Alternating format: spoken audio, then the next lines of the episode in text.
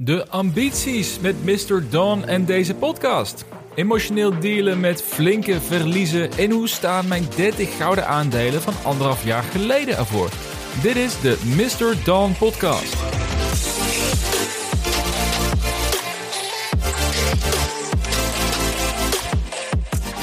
Welkom bij de Mr. Don podcast, waar de focus volledig ligt op het beleggen in innovatieve groeiaandelen. Mijn naam is Jasper en het is weer tijd voor een, een lekkere optimistische podcastaflevering. Want als je kijkt naar de beurs van de afgelopen weken en uh, hoe groot de kans is dat de komende weken niet veel beter gaan worden, nou, dan moet er toch iemand zijn die uh, die extra dosis optimisme erin gaat gooien. Nou, om te starten wil ik het daarom eerst hebben over de ontwikkelingen en de ideeën rondom deze podcast en Mr. Don in het algemeen. Eh, want in de start-up wereld worden dit soort periodes, waar, waarbij dus het enthousiasme meer gaat liggen en mensen wat eh, pessimistischer worden, die worden juist gezien als het moment om door te blijven bouwen. En dat geldt ook voor mij en voor Mr. Don, dus ik maak jullie graag deelgenoot van die ideeën en de aanstaande ontwikkelingen voor de komende weken. Maar daarna wil ik gaan doorpakken op mijn resultaat van het jaar tot dusver. Maar dat vooral in relatie tot omgaan met emoties. Nadat de Nasdaq de afgelopen maand met 10% is gedaald, plaatste Mark op Twitter een opmerking dat het interessant zou zijn om meer te horen over omgaan met emoties tijdens de sterke dalingen van je portfolio. Dat valt mooi te combineren met een, eh, met een update van mijn portfolio voor dit jaar. En dan mag je wel stellen dat ik daar een, een sterke maak van heb gekregen. Dus dat komt in het tweede segment van deze aflevering terug. En daar zal ook uit blijken dat er momenteel een exodus van beleggers aan de gang is. Dus dat is iets waar we zeker even naar moeten kijken. En als sluitend wil ik niet één aandeel onder de loep nemen in Don's radar, maar wil ik kijken naar een lijst van 30 aandelen. Ik heb namelijk anderhalf jaar geleden een artikel geplaatst op MrDon.nl met mijn 30 favoriete lange termijn aandelen in innovatieve sectoren. Nou, inmiddels zijn praktisch al die aandelen natuurlijk eh, ontzettend hard gedaald door het marktsentiment. Maar het is wel interessant om te weten bij welke aandelen ik nog steeds een sterk geloof heb. Maar ook welke aandelen helaas het, uh, het goud uiteindelijk toch maar uh, goedkoop bladgoud bleek te zijn. Dat is ergens ook al confronterend. Want er staan aandelen tussen waar ik destijds echt een, een rotsvast vertrouwen in had. Maar waar ik mijn mening inmiddels wel echt heb op moeten aanpassen. Dus dat wordt een, een leuk segment om mee af te sluiten. Dus weer een gevarieerde aflevering met een update over de podcast, update over het portfolio in combinatie met omgaan met emoties en een recap van 30 voorheen favoriete aandelen. Dus we gaan zien hoeveel van die aandelen nog steeds in mijn favoriete lijstje staan zometeen. En dat allemaal in een overvol weekend. Het paste allemaal net qua tijd om deze aflevering klaar te krijgen voor de maandag. Maar ik hoorde laatst een vaste luisteraar van de show Patrick zeggen dat hij zich verraden voelt als ik niet op maandag deze podcast uitbreng. Want dan heeft hij niks te luisteren tijdens zijn kop koffie. En ik zou het niet durven om hem teleur te stellen. Dus uh, gewoon netjes deze aflevering weer op de oude vertrouwde maandag. Dus uh, Patrick, veel plezier ermee. Maar voordat we starten met deze aflevering, zoals bekend, dit is geen financieel advies. Doe altijd je eigen onderzoek en beleg alleen met geld dat je kunt missen. En je kan mij helpen om de podcast te laten groeien door een review of een score achter te laten via Spotify of Apple Podcast. En jezelf te abonneren op de podcast. En dat brengt hopelijk ook weer deze show bij meer mensen onder de aandacht. Dus laten we eerst starten met een, met een update over deze podcast. Meer als een persoonlijke update, denk ik. En uh, ook over Mr. Don in het algemeen. Ik ben bijna nu zo'n twee jaar geleden begonnen met de eerste aflevering van de Mr. Don podcast. Nou, we zijn bijna 90 afleveringen verder. En ik vind het echt ontzettend tof om te zien dat iedere aflevering door een, een vaste, fanatieke kern van zo'n 400 gepassioneerde beleggers wordt beluisterd. Ja, en als je iedere week een zaal met 400 mensen zou uitverkopen die het uh, leuk vinden om een half uur een monoloog te luisteren over beleggen en innovatie, dan zou ik je voor gek verklaren. Dan zou ik best bizar vinden dat mensen dat leuk vinden. Maar in zekere zin gebeurt dat dus wel met deze podcast. En dat vind ik ontzettend tof om te zien dat er zoveel aandacht en interesse voor is. En ik ben de afgelopen weken druk bezig geweest om te bedenken van hoe ga ik deze podcast en ook Mr. Don in het algemeen, hoe ga ik dat naar een volgend niveau brengen? Nou, daarover heb ik een, een, tijdje geleden een korte enquête opgesteld waar uh, goede feedback uitgekomen is. Ik heb brainstormgesprekken gehad met luisteraars, uh, met andere podcasters, met podcastproducenten. En daarmee komen de ideeën steeds meer tot leven. En het, lijkt me leuk om jou daar ook deelgenoot van te maken. Als vaste luisteraar, of in ieder geval als luisteraar van deze aflevering. Uh, dus vandaar dat ik alvast kort wil toelichten wat mijn ambities zijn, uh, waar het toe gaat leiden en hoe dat de komende periode zou kunnen gaan veranderen, of wat je daarvan zou kunnen gaan merken. Nou, de eerste aanpassing die heb je waarschijnlijk al gezien en dat is de nieuwe cover van deze podcast. Het straalt meer tech en innovatie uit, uh, iets meer persoonlijkheid en het past denk ik ook beter bij de sfeer van deze podcast. En mijn ambitie is om beleggers enthousiast te maken over beleggen enerzijds, eh, maar met name beleggen in innovatie. En in de vorige aflevering gaf ik al een aantal redenen waarom ik denk dat innovatiebeleggen, naast het passief beleggen in ETF's, misschien wel de beste manier is voor individuele beleggers om hiermee aan de slag te gaan. Ik denk namelijk echt dat je hiermee alle voordelen benut die een individuele belegger heeft. Namelijk een, lange tijdshorizon.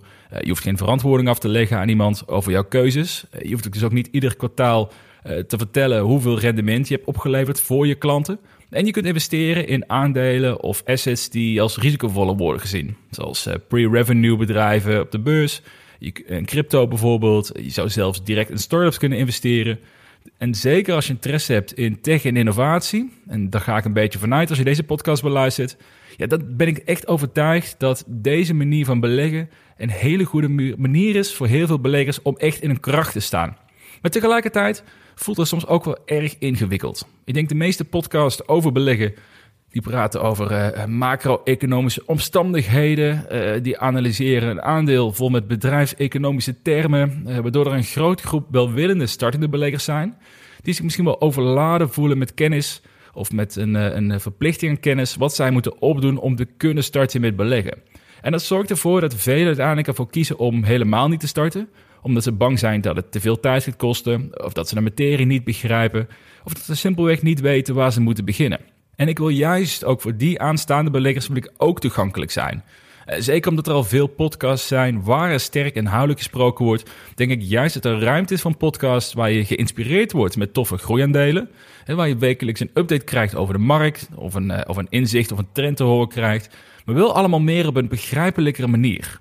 En mijn ambitie is dan ook dat deze podcast ook toegankelijk gaat zijn voor starters, zonder dat de inhoud van de podcast per se gaat veranderen. Dus hier zal ik de komende weken mee gaan testen. En uiteraard hoop ik hiermee ook dat het aantal luisteraars in de komende maanden verder zal groeien. Uh, dat is natuurlijk ook een ambitie die ik hiermee heb. En uiteraard kan jij me hiermee helpen, ook door de podcast te delen met je vrienden of een keertje op jouw social kanalen te plaatsen.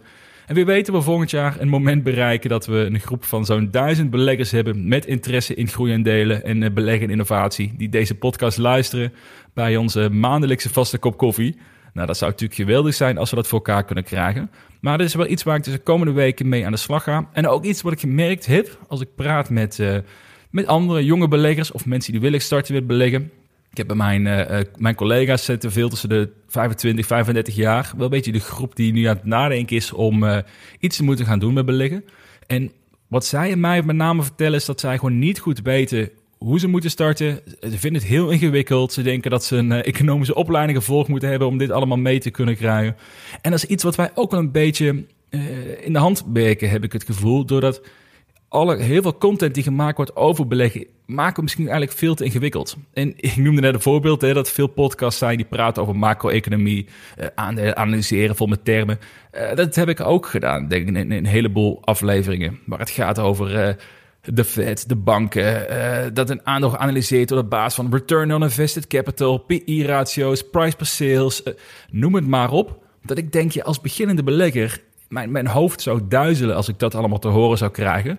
Terwijl het helemaal niet zo ingewikkeld hoeft te zijn. Dus dat is iets waar ik denk waar een enorme kans ligt om veel meer mensen enthousiast te maken voor iets waar wij nu al, jij of jij als luisteraar in ieder geval, nu ook wel enthousiast over bent. Dus laten we proberen om die groep te kunnen vergroten en dat op een manier die bij ons past, namelijk beleggen in innovatie. Dus het wordt toegankelijker. Eh, maar verder zijn er nog meer ideeën en ontwikkelingen voor de komende weken. Nou, allereerst wordt de naam van de podcast aangepast. Uh, het heet nu dus de Mr. Dan Podcast. Dat wordt de waarschijnlijkheid binnenkort aangepast naar beleggen in innovatie met Mr. Dan. Nou, dat zou ergens in de komende afleveringen gaan gebeuren. Misschien dat er nog wel uh, zelfs een nieuwe jingle erbij komt. Mensen die niet houden van verandering, bereid je vast voor dat er opeens een, een ander deuntje kan komen. Dus even gewoon weer een nieuw laagje verf eroverheen. En verder wordt ook de komende aflevering, die wordt een speciale. Want die gaat namelijk samen worden opgenomen met Twan van de website meerofminder.com. Hij is al een paar eh, afleveringen geleden is hij alleen eens te gast geweest. Een heel kort segment. Had hij onder andere over Luna, maar hij doet uh, met name veel met beleggen, niet alleen met crypto. En we hebben de afgelopen vrijdag hebben we persoonlijk met elkaar kennis gemaakt. Het blijkt dat we in dezelfde stad wonen, dus dat maakt het wel heel makkelijk om met elkaar bij te praten. En het idee is ontstaan om de komende aflevering vanuit deze podcast een, eh, een duo-hostrol op te nemen. Dus als dat een goede dynamiek geeft en ja, als luisteraar wordt er blij van. Uh, natuurlijk, je hebt dan geen monoloog meer, maar je hebt echt een gesprek die je kan volgen. Wel op de manier en de stijl uh, zoals past bij deze podcast, zoals je gewend bent. Tenminste, ik, hoop dat we dat kunnen, kunnen aanhouden. Um, nou, het is misschien wel leuk om vaker in die combinatie te gaan zitten. Dus dat is iets wat we gaan testen. Uh, gaan zien of het leuk is, of jullie het leuk vinden, of wij het leuk vinden. En dat, uh, dan gaan we zien wat daaruit gaat ontwikkelen. En er zijn er nog meer ontwikkelingen, ook buiten de podcast om. Eh, zo kun je tegenwoordig kun je snippets van deze podcast terugvinden op YouTube. Als je zoekt naar Mr. Don. En mocht je slechts de tijd hebben om één of enkele onderwerpen van deze podcast te beluisteren, dan kan het heel eenvoudig via het YouTube-kanaal. En ze komen ook allemaal los op de MrDon.nl website te staan, dus ook daar kan je het eenvoudig terugvinden. En over de website gesproken, daar wordt gekeken naar een nieuw design, waarin onder meer de podcast, eh, maar ook nieuwe artikelen, eh, community en social samenkomt. Over community gesproken, daarvoor kun je nu natuurlijk via de vriend van de show.nl uh, website kun je reacties geven op afleveringen. Maar ik zit ook te kijken naar iets van een Discord kanaal of een open forum waar je met andere beleggers in innovatie van gedachten kan wisselen. Ik weet uit ervaring dat het belangrijk is dat zo'n discussiegroep lekker actief moet blijven. En het bestaat vaak uit een, een groepje kernleden die er fanatiek mee bezig zijn, bijna dagelijks. Dus de Discord, zodra die opgestart wordt, zal waarschijnlijk starten met een, een selectieve groep met, met uitgenodigden. En als dat loopt, dan wordt het opengesteld aan iedereen. Dus mocht jij het tof vinden om hier onderdeel van uit te maken in de, de eerste kerngroep van de Discord, dan kan je mij een berichtje sturen via Twitter, Instagram of de Vriend van de Show pagina. Ik zal het vast ook wel een keertje op die kanalen plaatsen, om te vragen of mensen daar interesse voor hebben. En dan uh, kom je waarschijnlijk gewoon netjes op het lijstje terecht. Mocht de Discord, of zodra de Discord gaat starten, dan uh, behoor jij tot de kerngroep om die samen met de andere Mr. Don-luisteraars te gaan testen. Dus zoals je hoort, veel ontwikkelingen, veel ideeën, veel verandering op komst. En misschien dat sommige dingen jou meer aanspreken dan andere. En ik zal vast en zeker een beslissing maken die achteraf gezien uh, wat minder handig is gebleken en weer teruggedraaid wordt. Maar mijn ambitie is wel, en daar komt het denk ik op neer, dat is wat ik wil overbrengen hiermee. Mijn ambitie is om een platform en een podcast te maken waar beleggers van alle niveaus graag naar luisteren. En dat beleggers de moed en de inzicht geeft ook om te willen en te durven beleggen in innovatieve aandelen op een doordachte manier. En alle steun en ideeën vanuit jou als luisteraar om mij te helpen om deze ambitie of deze dromen waar te maken. Klinkt heel groot meteen. Die zijn natuurlijk uh, uh, ontzettend welkom. Dus voel je daar zeker voor uitgenodigd mocht je daar ideeën over hebben.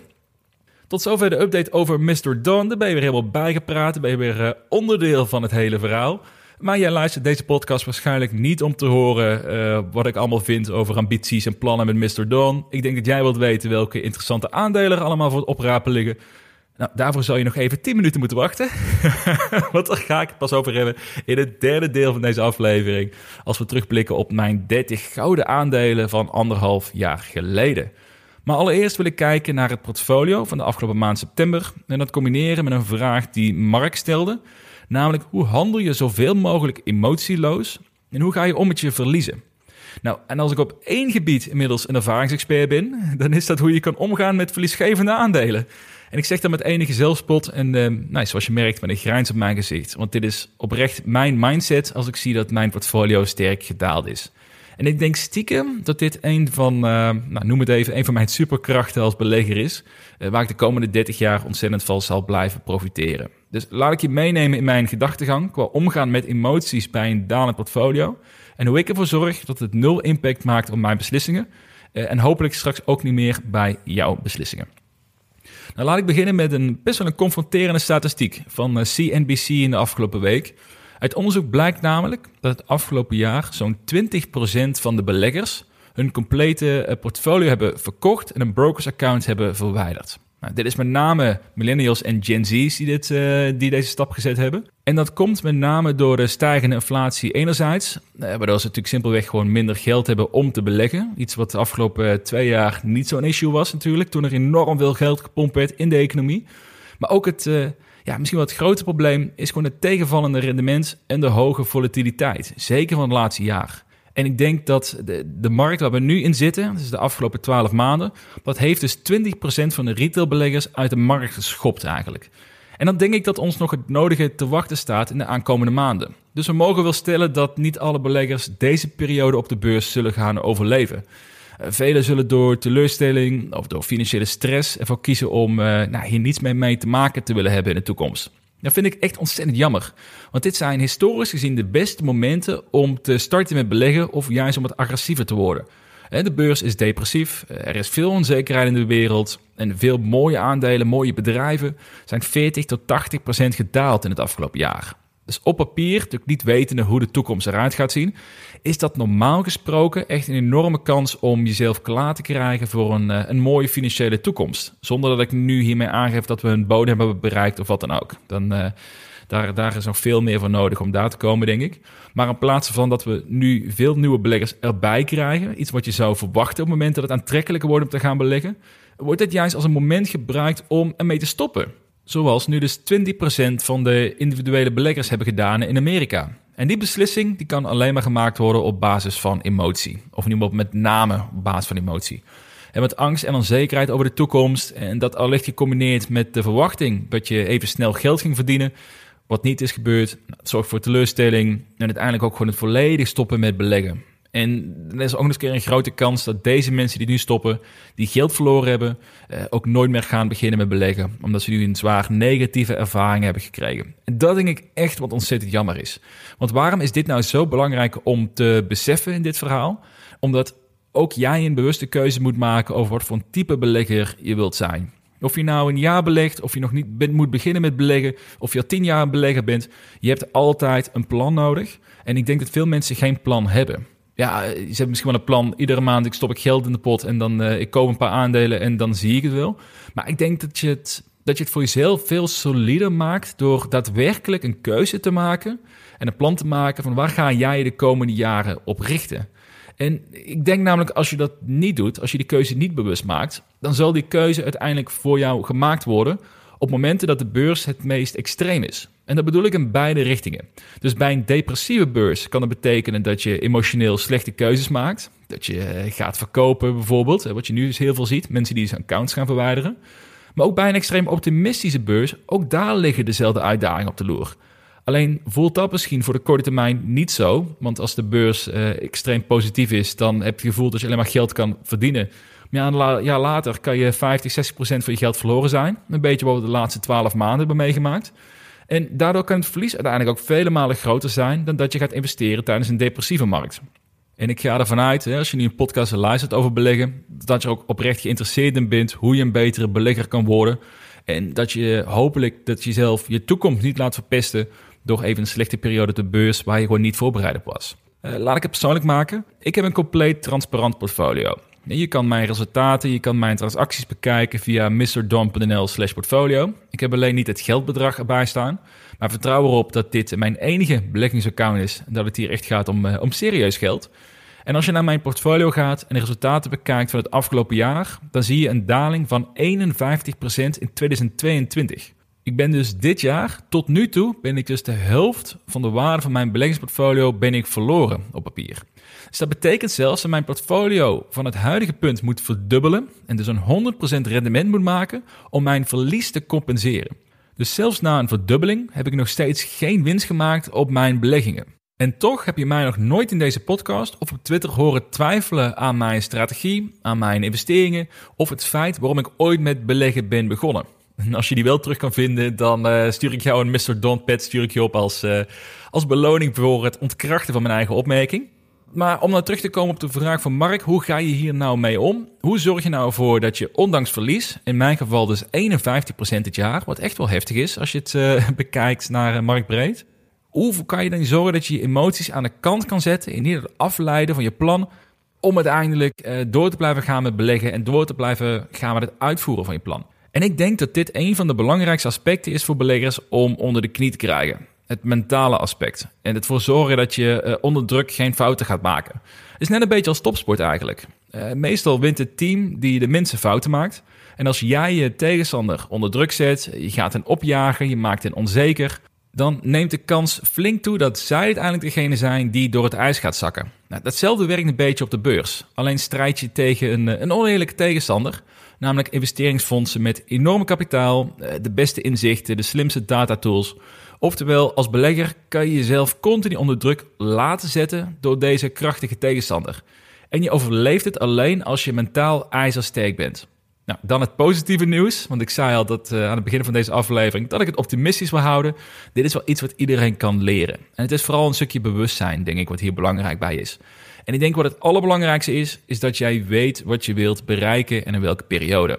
Stel dat je nu 35 jaar bent en je bent gestart met beleggen omdat je hiermee hoopt rond jouw 60ste al met pensioen te kunnen gaan. Nou, waarom zou je dan zorgen maken als jouw portfolio gehalveerd is op je 37ste?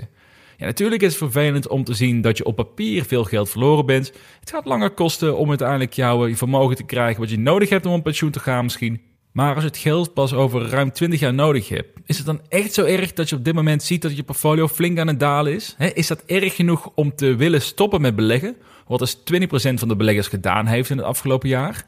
Ik denk als je rationeel kijkt naar je ambities en je plan, dat dat echt ontzettend belangrijk is. En een van de dingen waar ik de afgelopen weken ontzettend in geïnteresseerd ben geraakt, dat is het stoïcisme. Dat is een, een filosofische stroming die erom draait dat je jouw emoties volledig onder controle hebt en dat je alleen zorgen maakt over de dingen waar jij invloed op hebt. Nou, dat helpt bij beleggen, dat helpt ook bij het maken van grote beslissingen in je leven. Ik heb twee afleveringen geleden heb ik nog gesproken over fear setting.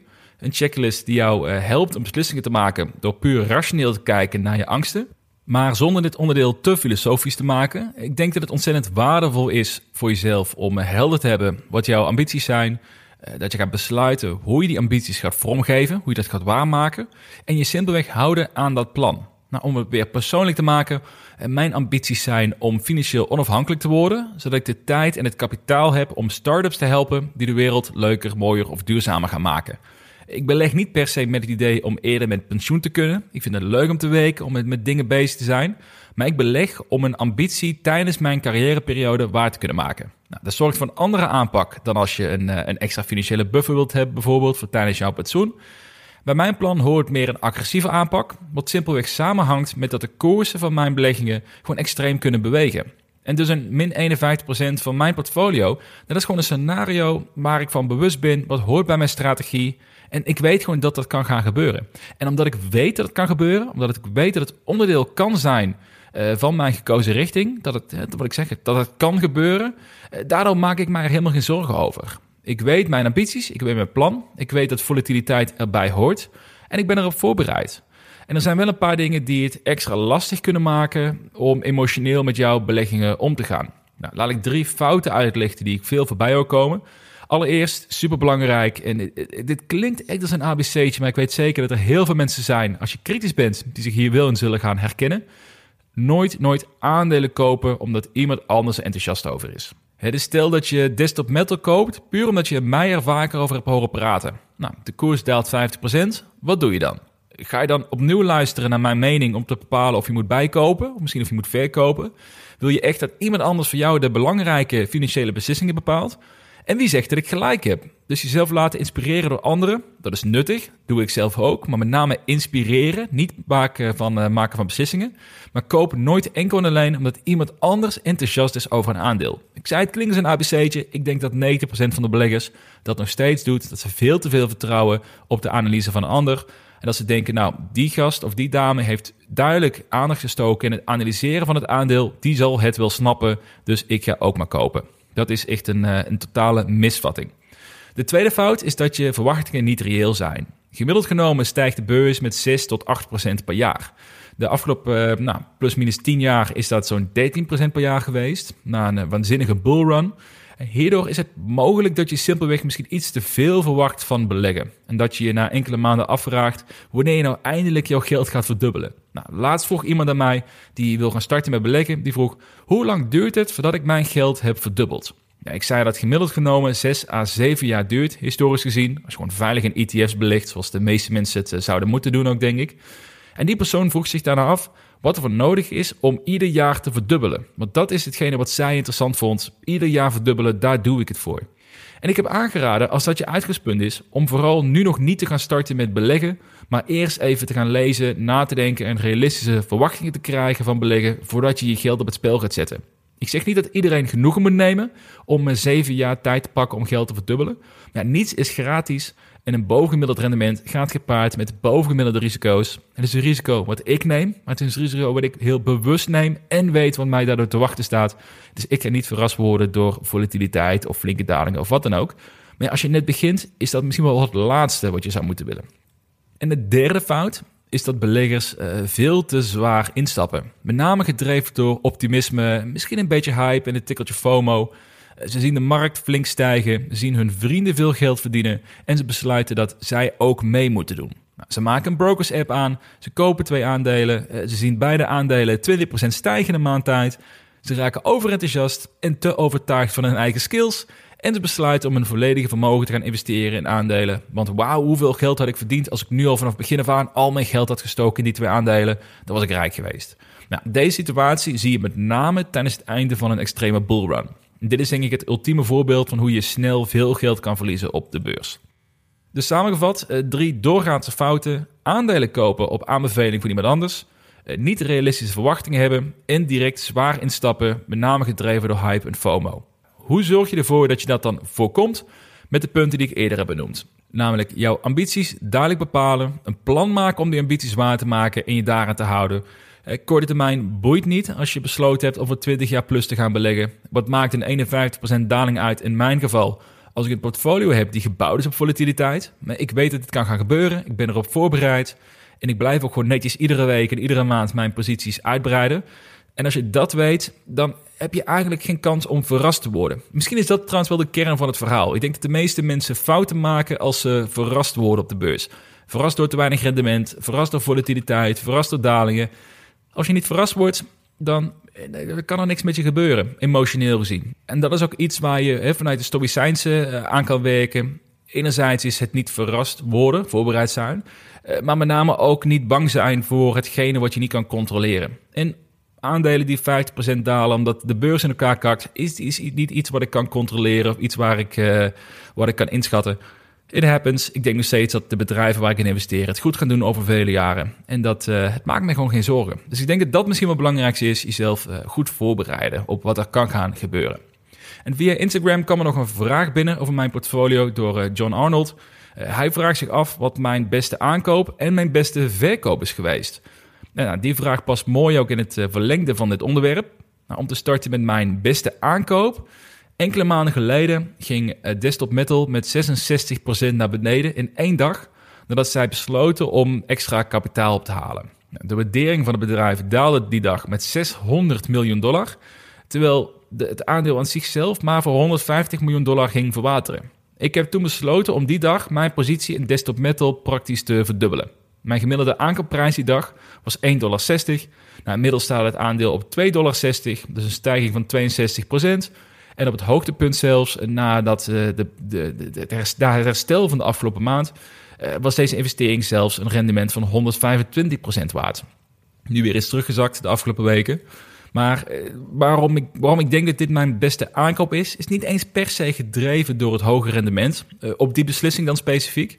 Eh, het was namelijk voor mij veel belangrijker, voor mij de, de ultieme bewijsvoering, dat ik mijn onderzoek naar Desktop Metal had gedaan. Dat ik zelfs op een dag dat de koers met 66% daalde, dat ik er geen enkele moeite mee had om mijn positie praktisch te verdubbelen. Dus op de meest negatieve dag rondom Desktop Metal, wat ik toen nu heb meegemaakt, kon ik, het, uh, kon ik de trekker overhalen om mijn gehele restant van mijn cashpositie te investeren in Desktop Metal aandelen. En toen besefte ik mij ook dat deze stijl van beleggen ontzettend goed bij mij past. En dat ik volledig rationeel en zonder emoties dit soort beslissingen durf te maken op basis van een overtuiging, een fundamentele overtuiging die ik heb in de aandelen waar ik voor kies. En normaal gesproken zou je kunnen denken van holy shit, 66% daling op één dag, eh, wat gaat er mis? Is dat nog wel een aandeel waar je iets bij wil, waar je nog wel betrokken bij wil blijven? Maar omdat ik het aandeel zo goed ken, was het voor mij best wel makkelijk om, uh, om mijn positie te verdubbelen. En dat is iets wat dus mij heel veel kracht gaf, uh, dat deze stijl dus iets is wat, uh, wat ik aan kan. Want ik denk namelijk niet dat, dat deze stijl voor heel veel mensen geschikt is. Um, maar goed, voor mij is het dus iets wat schijnbaar, schijnbaar op dit moment dus wel goed bij me past. Maar mijn beste verkoopbeslissing is ook een hele leuke vraag. Misschien nog een leukere vraag daarin zelfs. Dat hangt op een bepaalde manier ook samen met mijn verhaal van zojuist. Maar dat is het verkopen van Teledoc geweest. Dat aandeel heb ik verkocht na een earnings call, terwijl de koers net met 45% was gedaald. Dus qua beperken van het verlies was dit misschien uh, geen goede zit, want dit was ongeveer de, misschien het dieptepunt van de maand rond, rond die periode. Maar een, ding, een van de dingen waar ik onzeker over was, is of ik afscheid durfde te nemen van posities. Ik zeg vaak, ik beleg voor de langere termijn. Uh, Desktop Metal, Canoe, Pinterest, die zijn het grootste deel van mijn beleggingsavontuur. Zijn zij onderdeel van mijn portfolio. Maar je zult soms ook moeten accepteren dat een aandeel niet levert wat je ervan had verwacht. En ik had nog nooit eerder 100% de positie verkocht op basis van tegenvallende cijfers. Maar bij Teladoc deed ik dat voor het eerst. Ik verkocht die positie omdat het management hun afspraken niet waren nagekomen. En tijdens de earnings kwamen ze met een heel ander verhaal dan wat zij één maand eerder tijdens een investor event hadden verteld. En ondanks dat ik telehealth echt een ontzettend interessant domein vind en Teladoc daar nog steeds de onbetwiste marktleider in is en zelfs in mijn ogen op dit moment vrij aantrekkelijk gewaardeerd als je gelooft in de lange termijn potentie van een bedrijf, toch kon ik de trekker overhalen om een positie compleet te verkopen omdat het managementteam hun shareholders in de steek liet. En dat was voor mij een belangrijke bevestiging dat ik niet met oogkleppen op aan het beleggen ben en ook posities los durf te laten die niet leveren. Ondanks dat ik daar misschien al vele weken en maanden ontzettend bullish was over Teladoc, ook heel uh, publiekelijk heb verteld waarom ik denk dat Teladoc een heel interessant aandeel is. Nou, soms moet je erkennen dat je mis zit en je verlies nemen. En Teladoc was voor mij de eerste keer dat ik die beslissing durfde te maken. En ook publiekelijk kon zeggen, ja jongens, ik heb gewoon een fout gemaakt. Ik heb mij vergist in het management met name. En ik heb mijn positie volledig verkocht. En ik denk dat dat voor mij dus de eerste keer moment was dat ik echt een overtuiging durfde los te laten en ook durfde om te zetten naar actie, namelijk het verkopen ervan. Dus samenvattend voor het, eh, voor tweede stuk van deze aflevering, eh, met name zorg ervoor dat jij niet uh, een van die 20% van de beleggers wordt die gaat stoppen met beleggen, omdat je emoties de overhand krijgen. Maak een plan, schrijf jouw verwachtingen, je ambities op, bepaal hoe je jouw plannen wilt gaan waarmaken en ga gewoon uitvoeren. Laat je niet tussentijds van de licht brengen door koersen die alle kanten op gaan. Door extreem negatief of extreem positief sentiment. Maar blijf gewoon steen voor steen bouwen aan je portfolio. En denk na over de ambitie die je daarmee hebt. En dan is de kans groot dat je hier over enkele jaren ontzettend blij mee gaat zijn. En ook dat jouw emoties geen enkele rol meer zullen gaan spelen in je beleggingsbeslissingen. Nou, tot zover het omgaan met verlies op de beurs. We hebben het gehad over deze podcast en de ambities van Mr. Don. Uh, hoe je ook kan helpen om deze podcast een extra setje te geven. Dus dat uh, nog een reminder daarvoor, mocht je dat uh, kunnen doen ook. Nou, we hebben gesproken over emoties op de beurs. Waarom ik mij geen zorgen maakte dat het portfolio 51% is gedaald. Dan heb je nog één onderwerp van mij te goed. En dat is een terugblik op mijn 30 gouden aandelen van anderhalf jaar geleden.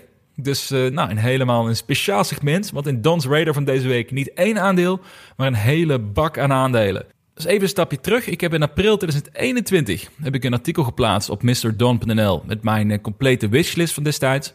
En dat waren 30 aandelen die ik beschouwde als uiterst interessante aandelen voor de langere termijn. Waarbij ik rekening hield met minimaal 5 jaar. En dat is een belangrijke. Dus voordat je mij gaat tweeten over hoe waardeloos deze lijst is, uh, want praktisch alle aandelen zijn sterk gedaald, Weet dat ik nog 3,5 jaar heb hè, om uh, aan te tonen dat dit uh, goede stockpicks waren en dat dit goede aandelen waren om voor de lange termijn te beleggen. Dus ik heb nog even om mezelf te kunnen verdedigen van deze resultaten. Een half geintje natuurlijk, want er zitten ook aandelen tussen waar ik inmiddels wel wat minder enthousiast over ben. En daar moet ik ook eerlijk over zijn. Maar tegelijkertijd, ik zei het, ik beleg voor minimaal 5 jaar vooruit. En deze aandelen zijn ook met die horizon op het lijstje terechtgekomen. En dit artikel is veruit het meest, meest populaire artikel op de website. En ik vind het tijd worden ook voor een nieuwe aangepaste wishlist binnenkort. Met mijn 30 gouden aandelen voor, voor het volgende jaar. Maar dan is het natuurlijk wel netjes om eerst een blik te werpen op de vorige editie. En te bepalen welke aandelen nog steeds gouden aandelen zijn. En welke aandelen misschien hun glans een beetje hebben verloren in de laatste anderhalve jaar. Ik heb uh, vier aandelen die ik beschouw als missers. En ik heb twee aandelen die, het, uh, die eigenlijk ver boven de markt hebben gepresteerd. Eh, en nog een aantal meningen over, eh, over aandelen die we op de nieuwe lijst terecht gaan komen. Dus ik zal het artikel in de show notes zetten, zodat je de hele lijst en de toelichting per aandeel zelf nog even kan lezen. Om alvast te teasen over het eh, de rendement op deze lijst. Van de 30 aandelen zijn er twee die in waardering zijn gestegen in het afgelopen anderhalf jaar. Het waren niet de aandelen die mij het meeste zouden hebben opgeleverd in het afgelopen anderhalf jaar. Uh, de rest is allemaal in koers gedaald. En uh, 12 ervan zijn maar liefst 70% of meer gedaald. Dus ja, wat zei ik ook alweer? Dat ik misschien niet de allerbeste stockpicker ben voor de korte termijn. Maar ik weet dus wel hoe je een verlies moet incasseren. Dus ook dit incasseer ik weer als een, als een topper. Uh, maar ja, goed. Als ik hier, ik moet wel zeggen, als ik hier dus 30 willekeurige andere tech- en groeiaandelen op had gezet op deze lijst, dan was de score waarschijnlijk hetzelfde geweest met hoe de markt zich heeft ontwikkeld in de laatste anderhalf jaar. Dus wat dat betreft neem ik het zelf een beetje met een korreltje zout. Maar de lijst is opgesteld op basis van, van 12 groeiaandelen, of 12 groeidomeinen moet ik zeggen. En per domein heb ik gekeken welke aandelen mij het meeste aanspreken. Nou, het gros van deze domeinen, dat zijn industrieën waar nu nog steeds met hoge verwachting naar gekeken wordt. Eh, denk aan elektrische voertuigen, artificial intelligence, duurzame energie, 3D-printing, nou, nog meer van dat soort domeinen. Je kent ze waarschijnlijk wel. En ik vind vrijwel alle domeinen nog steeds net zo interessant als vroeger. Alleen zit er één industrie tussen die ik volledig heb opgegeven. In ieder geval voor de komende jaren. Dus laten we starten met de vier aandelen die hun glans hebben verloren. En dan moeten we beginnen in de plant-based foods industrie. Ja, in het overzicht noemde ik Beyond Meat en Tattoo Chef namelijk als interessante aandelen. En deze aandelen zijn sinds het artikel eh, respectievelijk 90% en 72% gedaald. Ik heb in de tussentijd ook al een paar tweets geplaatst over uh, de grootte van de plant-based foods domein van de markt. Maar het blijkt simpelweg meer een, een luidruchtige, relatief kleine groep mensen te zijn. Of veel mensen die het roepen, maar ze doen heel wat anders. De massa toont gewoon weinig interesse in deze producten. Waardoor beide bedrijven enorme moeite hebben om hun verwachtingen qua omzetgroei in te lossen. Er wordt wel getest bij grote fastfoodketens, eh, met name dan voor Beyond Meat. Maar iedere keer heeft dat geleid tot lagere omzet dan verwacht bij de ketens. En ook blijken hun klanten in onderzoeken niet altijd even enthousiast over de plantaardige vervangers. Ja, dus ook bij, uh, bij dit domein mag je wel stellen, en dus ook bij beide aandelen, zat ik helemaal mis. En ik zou beide aandelen, eh, die zijn al flink gedaald, maar nog steeds denk ik niet dat het aantrekkelijk is om daar nu iets mee te gaan doen. De markt groeit gewoon niet hard genoeg. En hopelijk komt daar ooit verschil in. Ik geloof nog steeds in het, in het principe dat zodra uh, plantaardig vlees, zodra dat de prijs lager is dan echt vlees en de smaak niet meer te onderscheiden valt, dan is het een mooie propositie. Maar ja, zover is het uh, nog lang niet, helaas. Een uh, ander domein wat ontzettend lastig bleek, dat is space exploration. Op een gegeven moment kwamen tal van spacebedrijven via een spec naar de beurs. Allemaal met de ambitie om het vrij onontgonnen domein van de ruimtevaart een boost te geven. Nou, sommige door middel van nieuwe raketten, eh, andere door het helpen positioneren van satellieten bijvoorbeeld. En eh, tweede van de tweede richting, daarvoor had ik mijn hoop gezet op Momentus. Hun verhaal was heel aantrekkelijk. Ze zouden een technologie hebben ontwikkeld waarmee eh, satellieten mee konden liften op een raket, die voor verschillende doeleinden gelanceerd kon worden, dus niet eens specifiek voor satellieten. In gaandeweg de reis zou de Momentus probe loskoppelen en de satellieten naar de juiste positie brengen. Een soort last mile solution voor satellieten. Een beetje zoals PostNL, maar dan misschien iets ingewikkelder. Maar helaas ging het daarna na het artikel best wel snel uh, bergafwaarts. De CEO uh, was een Russische. Uh, die moest vertrekken doordat de Amerikaanse overheid vanwege veiligheidsrisico's niet wilde dat iemand uit Rusland aan de leiding stond van zo'n impactvol bedrijf. Nou, de technologie wordt nu getest nadat hun Vigorate 3 in mei is gelanceerd. Inmiddels heeft hij ook vier satellieten op de juiste plek gekregen. Dus er lijkt langzaam wat vaart in te komen. Eh, er is ook een deal met SpaceX voor twee lanceringen, in 2022 en 2023. Maar het gaat allemaal wel met veel vallen en opstaan. En het hoort misschien ook wel bij dit domein. Zeker space exploration, wat ontzettend lastig is. Uh, maar ja, je ziet wel tegelijkertijd dat de koers sinds het artikel gedaald is met 91%. En het bedrijf is nog maar ruim 100 miljoen dollar waard. Ik ga hier binnenkort wel uitgebreider naar kijken, maar vooralsnog beschouw ik Momentus in mijn top 4 van gefaalde verwachtingen. Nou, wie is dan mijn nummer 4? Na Momentus, Beyond Meat en Tattoo Chef. En deze doet ook wel een beetje pijn, uh, want dit was namelijk mijn underdog in de categorie voor elektrische oplaadpunten. En dat aandeel is Volta Charging. Volta vond ik echt een ontzettend interessant aandeel, omdat zij een, een stijlvol oplaadpunt aanboden op echt premium locaties. Bijvoorbeeld echt dicht bij ingangen van, uh, van uh, voetbalstadions, winkelcentra. Dus dat is echt een plek waar je graag wil staan en graag gezien wil worden. En op een charger was een, een groot fullscreen scherm waarmee advertenties getoond worden. Hiermee hadden zij als een van de weinige EV-charging bedrijven een duaal businessmodel, namelijk het verkopen van de stroom voor het opladen, maar ook advertentieinkomsten, eh, waar normaal gesproken ook hoge marges in omgaan. Ze hadden ook niet eens over een datapropositie die ze verkochten, maar ik vind data verkopen een beetje een, een wassen neus. Ik denk dat dat overdreven wordt als je kijkt naar de potentie daarvan. Dus die laat ik even afzijdig. En omdat ik zelf jarenlang al actief ben in de digitale advertenties, kon ik de potentie inschatten hoeveel ze dit zou kunnen gaan opleveren. En dat maakte mij ontzettend enthousiast over de toekomst van Volta Charging. Maar helaas ging het hier ook niet van een leien dak. De founder en de CFO moesten vertrekken na problemen. Er ging een interim board plaatsnemen. De sales forecast is meerdere keren naar beneden bijgesteld. En ze hebben nog steeds weinig waargemaakt van hun ambities die ze hadden. En ook zie ik steeds meer kopieën van hun chargers, zelfs hier in Nederland. Dus schijnbaar is hun product ook niet bijzonder genoeg. En hebben ze dit ook niet kunnen beschermen met octrooien. Nou, dat is gewoon kwalijk. Het zorgt ervoor dat ze geen voordeel hebben op hun concurrenten. En dat in een omgeving terwijl de overheid juist heel erg hard deze bedrijven nodig heeft en ook graag wil steunen. Hè, zodat het draagvlak voor elektrische auto's toeneemt. Maar zelfs met die wind in de rug kan Volta niet overtuigen. Het aandeel is sinds het artikel gedaald met 86%. En ik moet toegeven, deze is definitief van mijn lijst gevallen. Want ik denk niet dat zij dit nog recht gaan breien. En dat ze echt concurrentie aan kunnen met al die andere Chargers. Dus dat waren de vier aandelen waar ik uh, vooralsnog uh, volledig mis heb gezeten. Uh, we claimen hem gewoon. Momentus, Beyond Meat, Tattoo Chef en Volta Charging. En ik moet toegeven dat de andere 26 aandelen, die staan nog steeds op mijn watchlist. Eh, sommige ben ik iets enthousiaster over dan andere. Want uh, sindsdien Match Group mij heeft geblokkeerd van een Tinder-app vanwege een onschuldig geintje, kan jij vertrouwen waar mijn volgende grote short over gaat? Geintje natuurlijk, maar er staan wel aandelen tussen, zoals Match Group en Teladoc, die uh, beide niet bepaald sterk hebben gepresteerd in het afgelopen jaar. Maar overal ben ik best wel tevreden met mijn lijst als ik er anderhalf jaar later op terugkijk. Maar laten we kijken naar de vier aandelen die mij het meest hebben verrast in positieve zin. Om eerst de twee aandelen te noemen die wel in koers zijn gestegen. De absolute winnaar qua rendement, dat is Enphase. Dat is het bedrijf die slimme technologie ontwikkelt voor zonne-energie, energieopslag en digitale bewaking.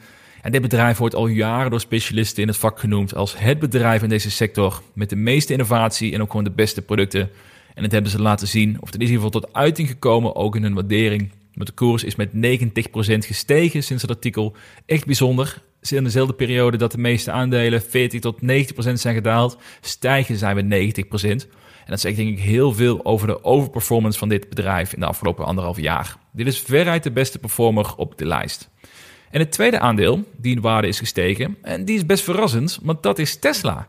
Eh, Tesla is het aandeel wat in mijn beleving al jarenlang tot een van de meest overgewaardeerde aandelen op de beurs behoort. Maar eerlijkheid gebied te zeggen dat ze echt een geweldige prestatie hebben laten zien in het afgelopen anderhalve jaar.